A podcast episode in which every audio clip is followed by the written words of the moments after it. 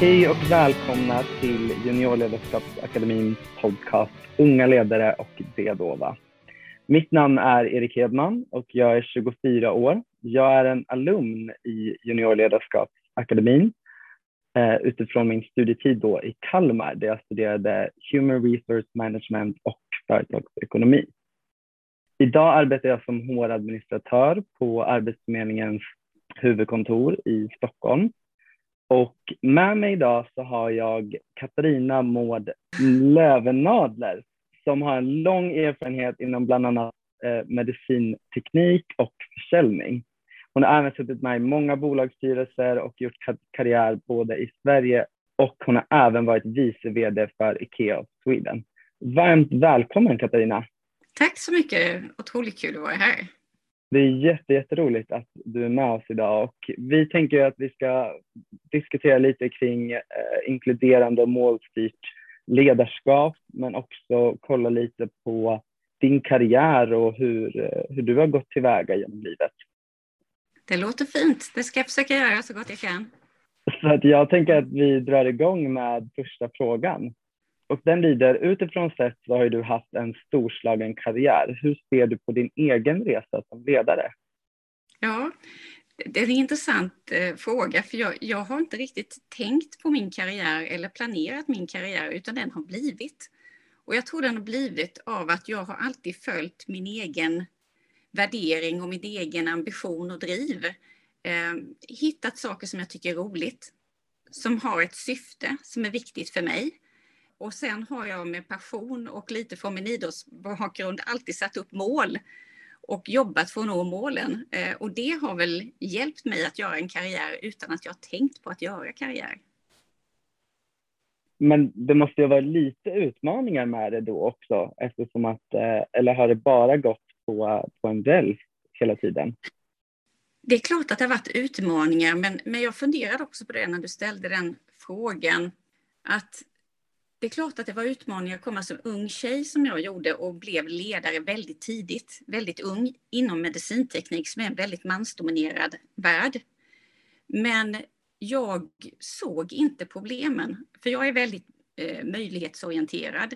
Jag läser på ganska bra och tycker det är kul att leverera resultat. Jag lyssnar också på väldigt många och försöker ta in och förstå vad människor är och anpassa hur jag kommunicerar och leder. Så den där tveksamheten som fanns hos ganska många äldre män när jag kom in, vad jag förstod i efterhand, såg inte jag kallade blåögd eller att jag fokuserade på att verkligen eh, lösa ett problem eller utveckla mig själv. Men de berättade för mig efteråt, men de sa också att när du väl kom in och visade att du liksom jobbade hårt, du hade kompetens, du lyssnade och det blev bra resultat, då fick jag en respekt. Så på ett vis var det väl tur att jag var lite blåögd och inte såg de där tveksamheterna. Det gjorde ju också att jag inte tyckte att det var så mycket problem.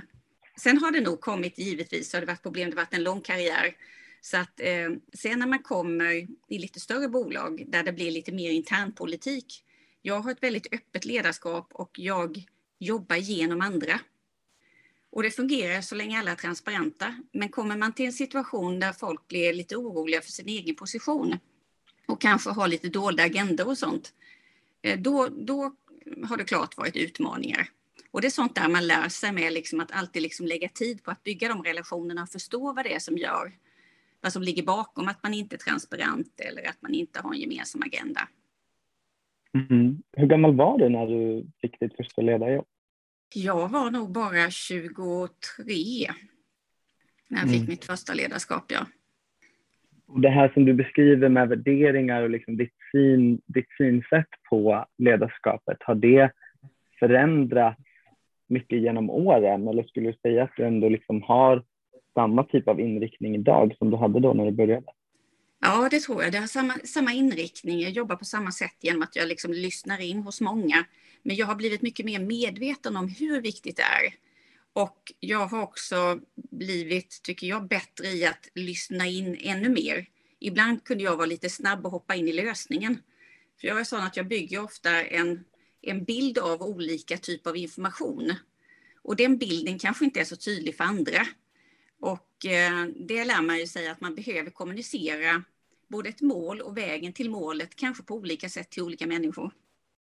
Vad skulle du säga då är din största lärdom under allt det som du har gjort i din karriär? Ja, lärdomen är väl att, att investera i relationer. Mm. Eh, att vara oerhört lyhörd och kompetent, kunna våga ta beslut. För att inte ta ett beslut är ju också ett beslut i sig som får konsekvenser. Absolut. Att, att våga göra misstag. Eh, att också våga vara transparent när du gör själv misstag. För det ger ju en öppenhet hos dina medarbetare. Och det har vi sett också har varit en styrka som jag också fått feedback på. Att man känner det så skönt att också en ledare kan visa när det inte gick hela vägen och analysera och ta ett ansvar för det själv. Det gör ju också att fler gör det i organisationen. Och är du inte rädd att göra misstag så vågar du testa väldigt mycket mer nytt och då kommer det betydligt bättre framåt. Ja, men just det där med att göra misstag tror jag är så otroligt viktigt och jag har märkt det själv, alltså det från min karriär, att på senare tid så har företag och framförallt då i rekryteringar har varit mer uppmärksamma kring misstag mm. eh, och de vill gärna att man kan stå för det man har eh, gjort fel och att man kan visa att man har lärt sig någonting utav det. Absolut. Eh, jag tror man att det är väldigt viktigt. Ja, man lär sig mer av sina misstag än sina framgångar skulle jag säga. Eh, mm. Och det säger ju många och, och även de som har gjort, eh, startat nya bolag. Eh, av, av de, de framgångar som, som du läser om och som du hör om, det ligger ju hundra misslyckanden först. Det finns ju ingen som har startat ett bolag, det första bolaget du gör och det, det gör en otrolig framgång, utan ofta är det så att du har ett antal misstag där du har tagit lärdomar. Och det är ju viktigt att förmedla, för ibland kan man få bilden av att det är enkelt och att man går direkt till att hitta lösningen och eh, starta nytt bolag eller leda ett stort bolag och det blir en framgång hela tiden. Det är det inte. Det är en krokig väg, men det är en fantastiskt rolig väg för man lär sig hela tiden. Mm. Men har du eh, drivit egna bolag också? Eh, eller har du bara varit i ledarpositioner på eh, an, alltså bolag som andra människor har startat? Ja, jag har, jag har lett eget bolag i och med att jag startade mitt eget konsultbolag mellan två eh, tjänster som jag hade. Sen har jag ju startat upp nya bolag åt större koncerner. Men det är ju inte lika riskfyllt för då har jag ju dem bakom mig. Men jag fick ju börja som en startup och sätta hela agendan med, med eh, syfte, mål, utveckla produkter, service, marknadsföring, affärsplan, eh, anställa personal, skala upp, eh, gå in i nya marknader. Eh, men då hade jag ju den tryggheten. Så att jag är ju väldigt, eh, kan jag, säga, jag tycker det är fantastiskt att se också unga människor våga starta nya och egna bolag. Men det är också viktigt att tänka på att ha mentorer bakom sig. För det finns, man kan lära sig av andras misstag också. Man behöver inte göra om alla misstagen utan man kan lära sig. Och där hade jag ju eh, vid båda de tillfällena stora företag bakom mig som investerade i bolaget som också agerade som mentor, coach, eh, supportade och öppnade dörrar, vilket är jätteviktigt verkligen, det är jätteviktigt med eh, just mentorer, alltså även, även om man inte menar, alltså om jag ska tänka på, alltså inte med att starta ett bolag, så tycker jag också att det är viktigt att ha en stöttepelare för att liksom lära sig av andras misstag. Mm. För det gör ju att, att jag utvecklas ännu mer. Eh, liksom. Så jag tror att det är jätteviktigt kontinuerligt genom hela mm. livet. Um, vad skulle du säga är roligast då? Att starta bolag eller att vara högt uppsatt ledare på ett företag? Jag tycker både, och det är det lite roligt, för jag har jobbat i olika branscher och i olika små och stora bolag. Jag menar, IKEA är ju gigantiskt. Jag gillar båda delarna, för det som driver mig är att göra skillnad eh, för många människor och att få människor att växa. Och det kan du ju få på olika sätt i små och stora organisationer. Jag menar, de, inom medicinteknik så har jag jobbat för bolag som har haft fantastiska missioner. Som eh, ÖSSU till exempel, som var Life Without Limitation. När man kan få eh, en amputerad patient eh, som sitter i rullstol att springa. Och till och med faktiskt så har vi ju sett då de som löper snabbare än, än människor som inte har en, en disability eller amputation. Och då har man ju nått långt så att säga. Och den instant gratification du får, du ser ju direkt med din produkt och service vilken nytta den gör. Eh, den kan du göra i liten skala också. Med ett stort bolag som IKEA kan ju med sina volymer göra otroligt stor positiv impact på väldigt många människor. och planet. Eh, vilket mm. är otroligt eh, givande, rewarding. Och att då få ännu fler människor att vara med och bidra till det, det är det som driver mig. Det, det är min passion. Mm. Ja, gud vad intressant. Verkligen. Och där tänker jag att vi kommer in lite på den här skillnaden då mellan platta versus hierarkiska organisationer. Vad är det för skillnad där? Ja, jag tycker det är ganska stora organisationer och jag, jag föredrar gärna platta organisationer för jag tycker att de är mer kreativa, de är roligare att jobba i, det går snabbare att ta beslut. Man tar tillvara på kompetens på ett bättre sätt i och med att det är okej att komma med en idé och det kan gå snabbt i den platta organisationen versus där du kanske behöver dra den via flera lager i en hierarkisk organisation. Sen finns det ju människor som tycker det är jobbigt i en platt organisation för det är inte lika mycket ramar och struktur kanske eh, till att börja med och man måste vara bekväm i det. Om man gillar att ha allting väldigt tydligt, att följa tydliga rutiner och hålla sig till dem och veta vem som ansvarar för vad och göra sin del, då är det ju egentligen en hierarkisk organisation. Men jag föredrar definitivt platta organisationer. Och jag tror att miljön som vi lever i idag, som är volatil, den kräver mycket mer ett, ett platt, eh, en platt organisation. För du behöver snabbheten i att ta beslut. Du behöver kunna göra förändringar i inriktning på din verksamhet och få med dig alla människorna. Och det är lite snabbare att göra, kan jag tycka, i en, i en platt organisation som dock har en struktur, det ska vi säga. Du måste också ha en struktur i en platt organisation. Mm. Så du får ut kommunikation på ett bra sätt till alla. alla. Ja, men precis. Jag tänker verkligen på uh, allt nu de senaste åren kring alltså miljöarbete, men också kring kulturer på organisationer, att man ska liksom arbeta eh, alltså mycket med mänskliga rättigheter och hela den biten. Det känns som att det behöver vara snabbt för att mm. kunna liksom följa med samhället. Absolut. Och sen har du jobbat du har jobbat jag, i USA också, va? eller yes. hur? Ja, så jag har jobbat i USA. Ja, berätta lite om det. Ja, vi flyttade dit hela familjen och eh, Eh, eh, det är fantastiskt. Det är, det är väldigt utvecklande eh, att byta miljö. Det är utvecklande för hela familjen och du sammansvetsas väldigt fint inom familjen genom att liksom göra den här resan tillsammans och lära sig nya kulturer. Och, och sen när det gäller ledarskap så är det ju skillnad mellan amerikanskt och svenskt ledarskap definitivt. Men det som är intressant också när du lär dig lite mer om det, det är också att det skiljer sig inom USA och inom Sverige. Alltså, I USA är det mellan stater och mellan bolag har du lite olika kultur. Men, men det som är den stora skillnaden är ju att vi har en helt annan trygghet i Sverige, arbetstrygghet, som ger ett öppet klimat där du vågar och är tillåten att ifrågasätta eh, en riktning, till och med som kommer från en chef eller ledare. Gör du det i USA kan du bli av med jobbet. Det gör ju att det inte blir en lika öppen dialog och man tar inte tillvara av lika många människors kreativa idéer eh, i USA.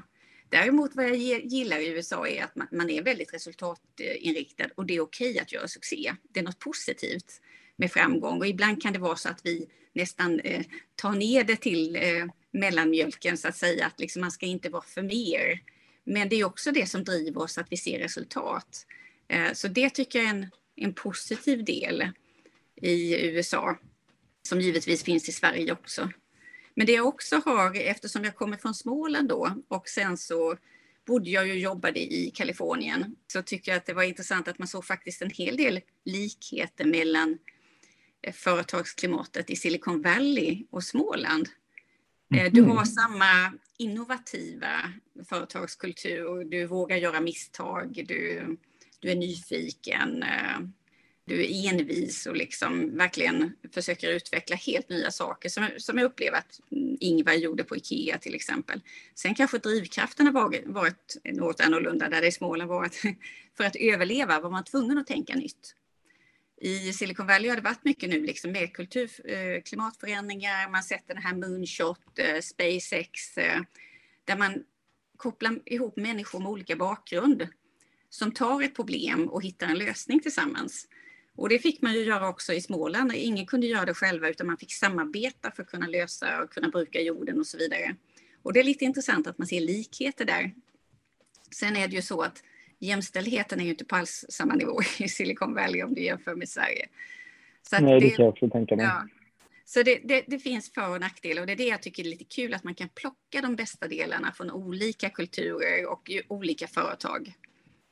Mm, ja, men det är jätteintressant. Är det någon skillnad om man jobbar på ett svenskt företag i USA kontra ett amerikanskt företag? Jag jobbade ju för ett eh, isländskt företag när jag var i USA. Och vi mm. hade ju till exempel öppen planlösning. Det gillade ju inte amerikanerna. De ville ju ha sin lilla box, eh, för det var väldigt viktigt. Titel är viktigt din arbetsplats är viktig. Du får större eh, rum eh, när du stiger i karriären. Och i Sverige är det att alla är lika. Eh, vi har en öppen planlösning och till och med chefen sitter i den öppna planlösningen tillgänglig för alla inom företaget. Och, och det var lite svårt att implementera, men även amerikanarna där eh, valde sig vid det. Skulle du säga att det är någon speciell egenskap hos dig som är eh, din superkraft som har gjort att du liksom har kunnat göra allt det här genom livet? Ja, det, det är svårt att prata superkraft om sig själv. Eh, eh, eh, jag, tror inte, jag tror inte det är bra att ha precis som man säger, liksom, man säger superhero och superkvinna. Jag tror att det handlar om väldigt mänskliga saker och du måste älska det du gör. Jag, jag reflekterade lite över när jag tittade på OS-medaljörerna nu. När du lyssnar på Sara Hector och Nils van der Poel.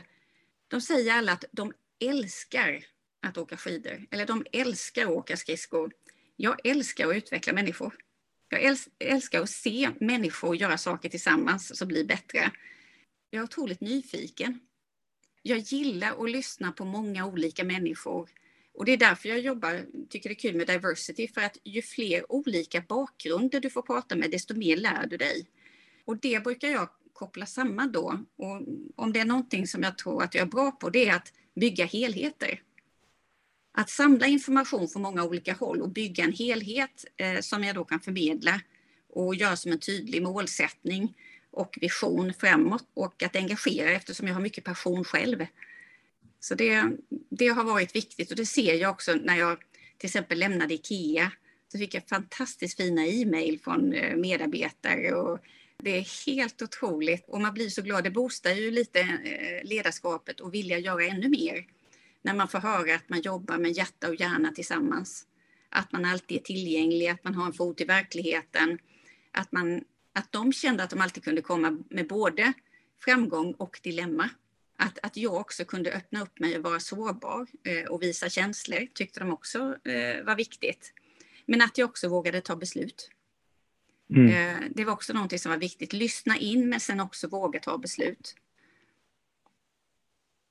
Nej, men det är jätteviktigt.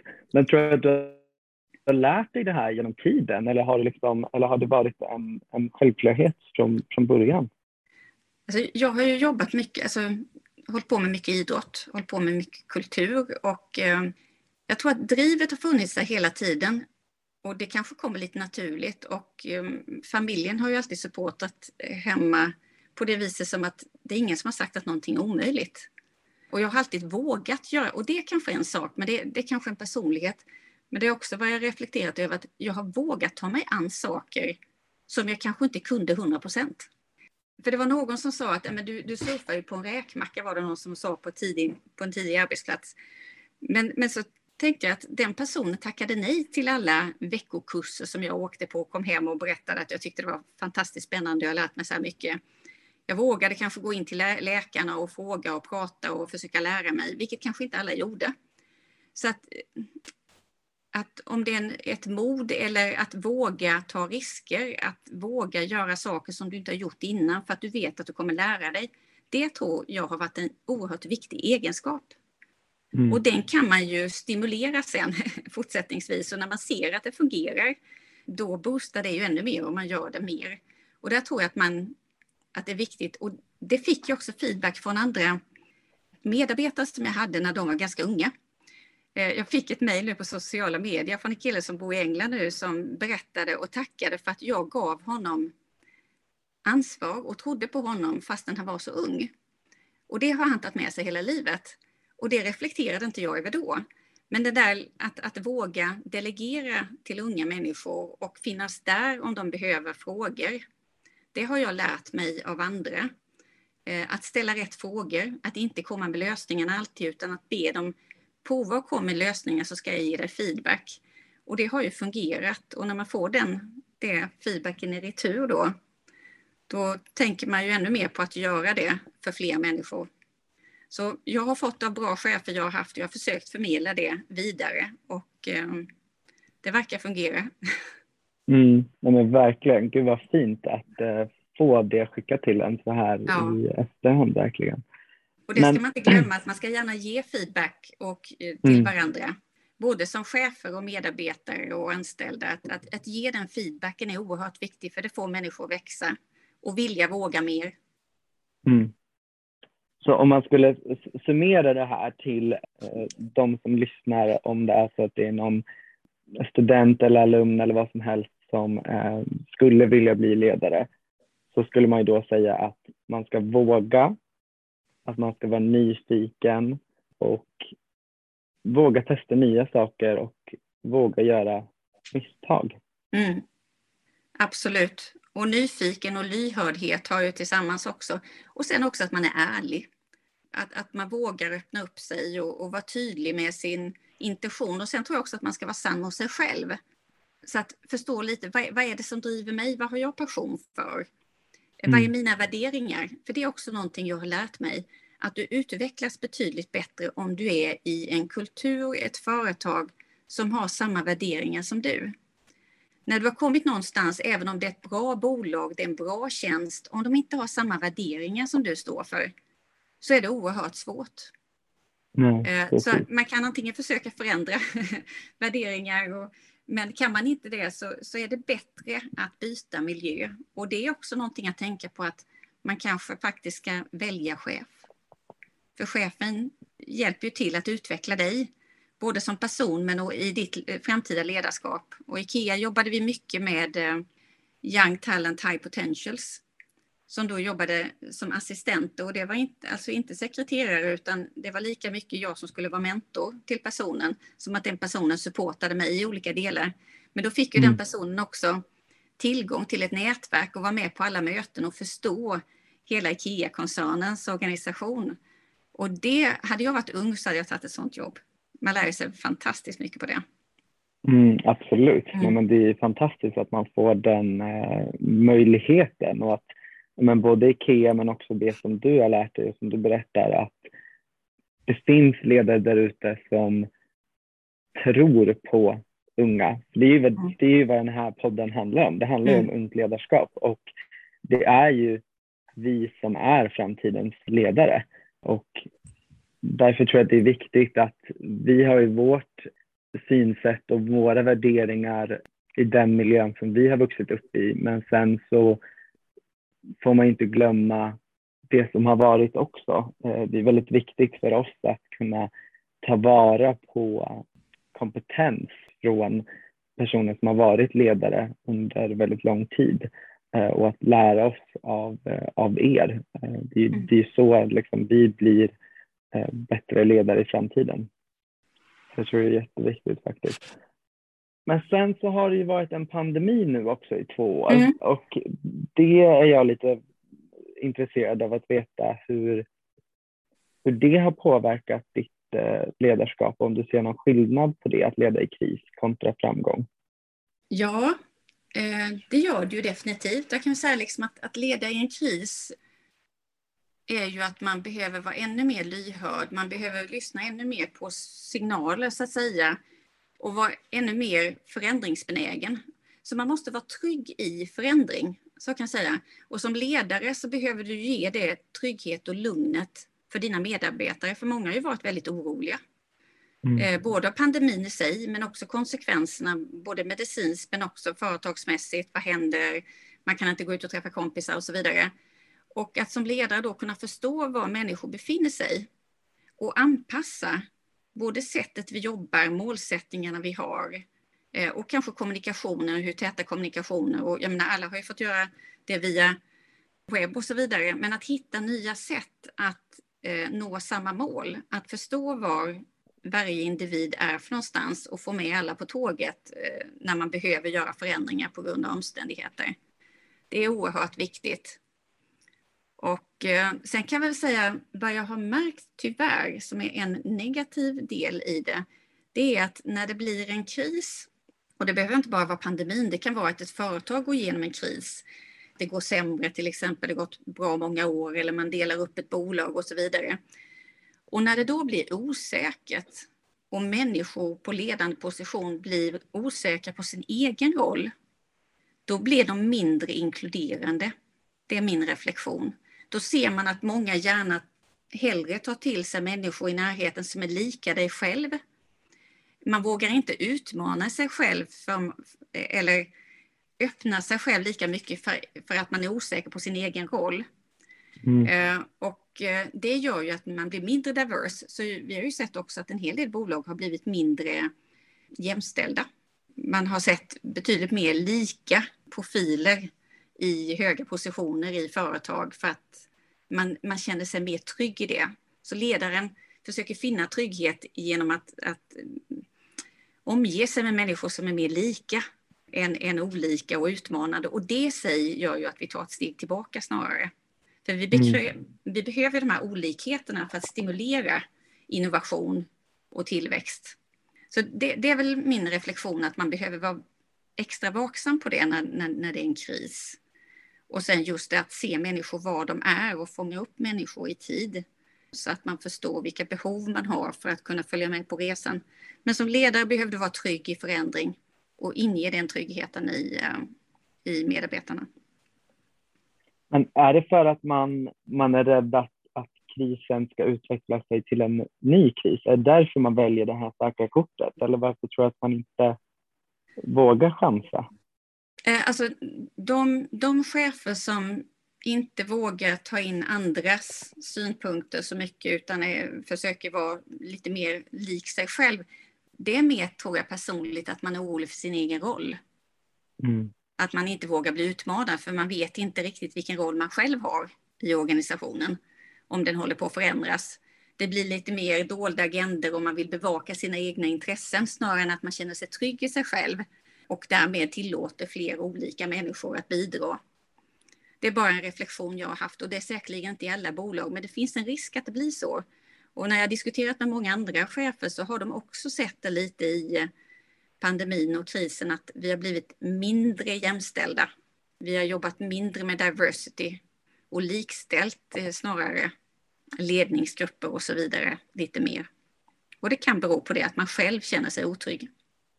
Ja, men precis. Men jag tycker att det är en jätte, alltså, intressant reflektion och det går ju att spegla i det personliga livet, tänker jag också, att när man har en motgång så kan man ju oftast bli rädd för det. Men mm. där är det viktigt då att våga, våga gå emot den här rädslan mm. för att bevisa att det inte är så farligt. Och jag tänker att det går ju att koppla till det också, att det är viktigt då att våga ta de här riskerna, för att annars mm. vet man inte vad utfallet blir. Och, och, och, våga diskutera det. Att, att våga mm. öppna upp sig och diskutera det med andra. Men du berättade lite där om inkluderande ledarskap. Vill du ge några exempel på hur man kan eh, utifrån ett inkluderat ledarskap arbeta med kulturen inom organisationen? Mm. Inkluderande ledarskap för mig är ju både att förstå eh, vilka människor som, som man jobbar för, alltså kunderna, och de man har inom sin organisation och att man inkluderar så många som möjligt i arbetet. Och det innebär inte att alla sitter och sätter de gemensamma målen. Om man är flera tusen personer så kan man inte göra det. Men att man lyssnar in hur alla som jobbar i hela värdekedjan har det och vad som är viktigt för dem så att man kan förklara det på ett bra sätt eh, och vara inkluderande. Se till att man har eh, många diverse team. Och när jag säger diverse så är det inte bara ålder, kön, etnicitet, eh, etnicitet. Utan det kan också vara att man, man, man tacklar problem och analyserar problem på olika sätt. Så att, för, det, för det stimulerar ju nämligen. Eh, och eh, vad jag försöker göra är att, att hela tiden när vi ska jobba med förbättringsarbete, att sätta små team med människor från hela värdekedjan. Så man kanske har någon från retail som träffar kunden, någon som jobbar på produktionsgolvet, någon som jobbar med design, någon som jobbar med HR till exempel. Och att man tillsammans sitter och tittar på, här har vi ett problem eller en, en, en eh, förbättringsmöjlighet som alltid börjar från kunden så att säga. Och när man tillsammans löser det så får man en förståelse för varandra. Och, och det har jag tyckt varit viktigt när man mm, pratar om inkluderande ledarskap.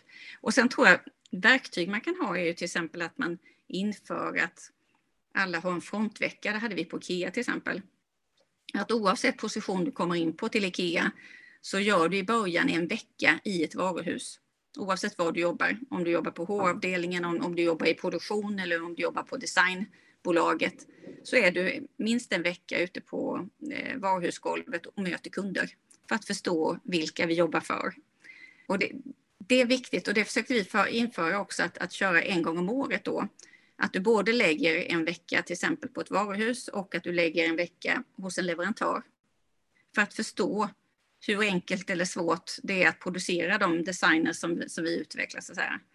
Och det i sig är inkluderande, att man är lyhörd och lyssnar in hela organisationen. Och det har varit en av framgångarna för IKEA, att man har tänkt hela värdekedjan och många inom IKEA har jobbat i olika delar av företaget.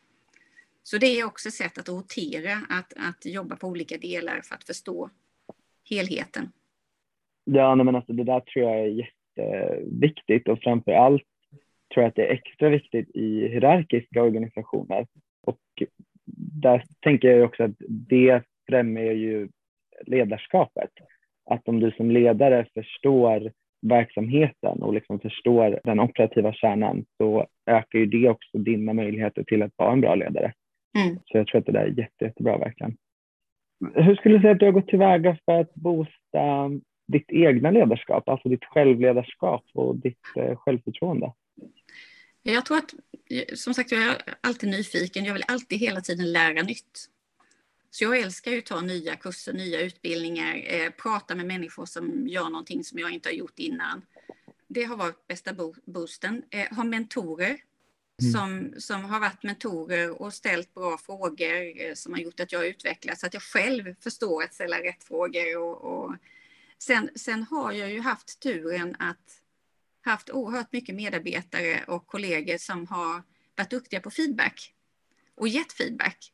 Och det är absolut den bästa boosten och, och läsa de här mejlen eller sociala mediedialogerna, eller eh, feedbacken som man får när man har gjort ett möte. Och det, jag kanske också, jag har väl varit ganska bra på att göra det, ge feedback. Och då får man oerhört mycket tillbaka. Och det boostar ju mitt ledarskap också när jag får en feedback på hur människor upplevde mötet till exempel. Jag försöker lägga det på slutet också, att vi gör en en plus och delta, inte plus och minus utan plus och delta. Som man säger, vad var bra med mötet? Vad kan vi göra bättre på nästa möte?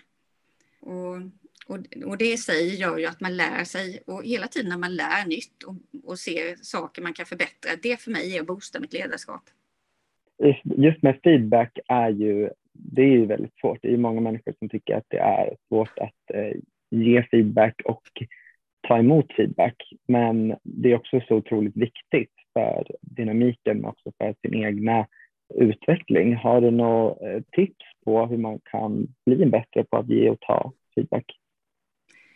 Ja, alltså, vi, alltså på Ikea så fick man ju träna sig på det. Eh, eh, men, men som sagt, när man har hållit på mycket med idrott och sådär så är det ju liksom att där, där måste man ju ge feedback hela tiden. Och grejen är den att det är lättare att ge feedback om man har tydliga målsättningar.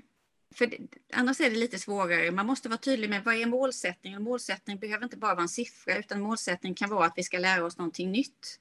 Att vi ska få fler personer i organisationen som kan leverera något, eller man ska få bättre kundupplevelse. Om man sätter tydligare mål så är det betydligt lättare att ge feedback. Men det är viktigt också att man ger feedback, inte bara på hur väl man når målen, men på vilket sätt man gör det. Hur behandlar vi människor? Så att man kan reflektera över sådana saker. Och sen är det ju som alltid en sandwichkonstruktion gör ju att människor har lättare att ta feedback. Men någonting jag lärde mig på IKEA var också att man sa att feedback är en gåva. Man kan välja att ta emot gåvan eller så kan man lämna tillbaka den. Mm. Så antingen tar du emot den och öppnar den, men det är upp till dig om du vill ta emot den och öppna den eller om du vill skicka tillbaka den. För det gör ju, det tar bort lite av det där eh, farliga, att liksom ge feedback, för jag vet inte hur det kommer tas. Och säger du det från början så avdramatiserar du det lite. Så jag vet inte om du vill ha feedback, men jag ger det och jag ger det som en gåva. Och sen är det upp till dig om du vill ta emot den. Men börja gärna med något positivt också, för det gör ju att människor öppnar upp sig och lyssnar överhuvudtaget på den feedback, också den konstruktiva, som du vill ge. Nej men gud, det är jätteviktigt. Jag önskar att fler företag kunde lära sig eh, från Ikea. Jo, det är sant. Det, och sen nu när man har varit utanför Ikea och nu är jag tillbaka i styrelsen då, det, man, man uppskattar det verkligen. Ibland blir man lite hemmablind. För man fokuserar så oerhört mycket på kultur och värderingar. Men det är också nyckeln till framgång. Det är därför man har kunnat bibehålla den starka kulturen och värderingen och få alla människor att dra åt samma håll och bidra, även om man är så gigantiskt stora och globala som man är idag. Det är väldigt mm. få företag som har lyckats, men, men det är en investering som Ingvar gjorde och sen som har fortlöpt inom, inom företaget.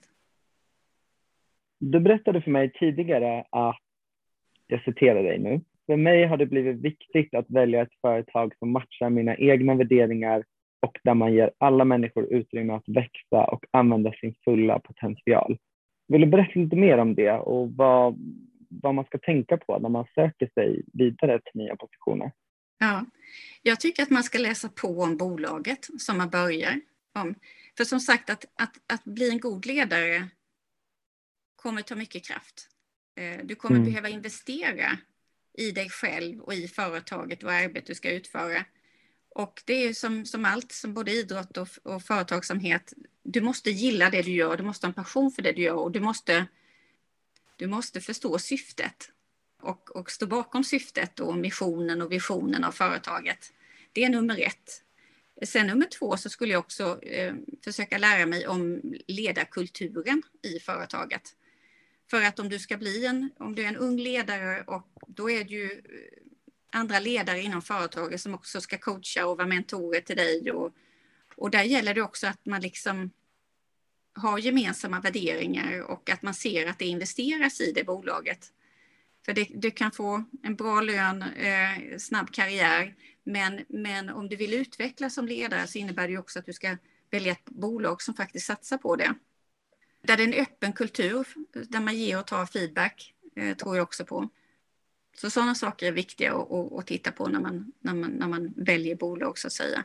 Och sen vara väldigt ärlig och sann mot sig själv och mot andra. Eh, det finns, det här, det finns en bok som heter The Speed of Trust som jag tycker är jättebra. Där man då liksom verkligen investerar i relationen från början.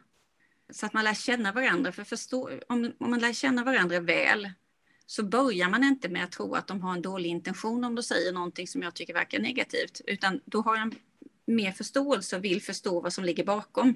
Och tar det kanske mer som en sakfråga snarare än personligt. Och mm. det sparar väldigt mycket negativ energi. Absolut, men det tror jag verkligen. Jätte, jätteintressant och tack för eh, jättebra tips. Hur skulle du säga att du kom in på det som du arbetar med idag? Eh, och du ska väl börja på något nytt nu också läste jag ja, förra veckan. Eh, jag ska, ja, jag ska bli vd för Dignitana. Det är jättespännande. Återigen ett, ett syfte som ligger varmt om hjärtat. Det är alltså att man gör, eh, man gör kylsystem för cancerpatienter när de går igenom kemoterapi. Där man tappar håret då i många fall. Och den här behandlingen gör att man inte tappar håret. Det gör alltså att kemoterapin inte går in i de delar som gör att eh, hårsäckarna eh, dör utan att eh, du faktiskt kan bibehålla håret. Så det känns eh, som ett väldigt gott syfte, vision och mission och målsättning för det företaget. Så det ska börja med första maj, ser jag fram emot. Och eh, vad har gjort att jag har valt det jag har valt? Eh, medicinteknik valde jag för att jag höll på mycket med idrott, så jag gillade det här med anatomi och kroppen. Men sen gillade jag matematik, lösa problem. Och då blev ju biomekanik den perfekta kombinationen. För jag ville jobba med människor, jag ville jobba med anatomi, mekanik och då blev det ortopedingenjör. Sen såg jag väl att som ortopedingenjör kliniskt på det stället där jag var på ett litet sjukhus så kunde jag inte göra så stor skillnad. Så jag blev lite nyfiken och ville förstå hur man kunde utveckla produkterna bättre som vi anpassade till patienterna. Och då blev jag, fick jag bli produktchef, teknikchef, kvalitetschef, marknadschef och sen blev jag vd då för ett bolag inom medicinteknik. Så det är väl hela tiden nyfikenhet i att försöka förstå vad vi kan göra bättre. Men att börja från kunden eller patienten och förstå deras situation, sen investera tid i att försöka bidra mer till att göra det bättre för dem. Och det kände väl jag att som ledare kan jag bidra genom fler människor. Så som en person kunde jag ju hjälpa ett antal patienter. Men kan jag utveckla produkter som fler kan anpassa till fler patienter så ger det ju större effekt. Och det är väl det som har drivit mig också, att, att jag vill bli ledare för jag vill göra större skillnad för fler människor. Nej, men alltså det, det är så intressant att eh, lyssna på, eh, på din resa och framför allt att, att du har sådana positioner där ni gör så mycket skillnad. Eh, det är väldigt, väldigt fint. Ja, det, det, det, är tacksamt att göra det också och det är därför det, jag tror att det är viktigt att man väljer någonting som man brinner för själv. Mm. Nej, men absolut. Finns det några tips som du skulle vilja ge dem som lyssnar för att kunna utvecklas och eh, avancera sig inom en organisation som du har gjort? Mm. Jag, jag, tror att vi har varit inne på ganska många tidigare. Jag tror att det var lyhörd, var nyfiken. Eh, försök jobba i olika positioner. Var inte rädd för att göra saker som du inte har gjort innan.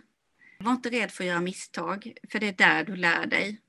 Var inte rädd att fråga om hjälp ta gärna till mentorer eller andra som du ser som förebilder och, och ställ frågor. Men, men, men kom också med olika förslag och be om feedback på förslagen. För det är också någonting som jag försöker, ibland så blir det så att man gärna kommer med problemen och vill att någon annan ska lösa den. Men tänk mm. igenom problemet och kom med ett antal alternativ som du vill ha feedback på. Det lär du dig så mycket mer på. Det skulle jag väl säga. Och sen ja. som sagt, var, var, inte rädd för att, att också jobba i olika miljöer, olika länder. Men när du sen väljer att investera i en längre karriär, eller, då, då ska du också tänka på att det är ett företag som matchar dina värderingar och dina syften. Jättebra tips. De kommer jag få användning av också. Så det är jätte, jättebra. I Juniorledarskapsakademin så ger vi möjligheten att förkovra studenter i det praktiska ledarskapet. Varför tror du att det är viktigt att göra det? Alltså, ledarskap det är ju någonting som man tränar sig till. Man kommer i olika situationer. Så jag, jag har ju alltid gillat det här med teori och praktik. Att man hela tiden försöker lära sig någonting. Eller, och det kan vara genom bok, det kan vara genom intervjuer, det kan vara genom att prata med andra. Och sen testa det själv. För det är först när du gör det som du liksom eh, förstår det och förstår också utmaningarna i det och då kommer nya frågor. Så att du måste applicera teorin i verkligheten och det är också där du kan utveckla det ytterligare och förnya det. Så det, det är oerhört viktigt att ha en fot i verkligheten hela tiden. Nej, men verkligen.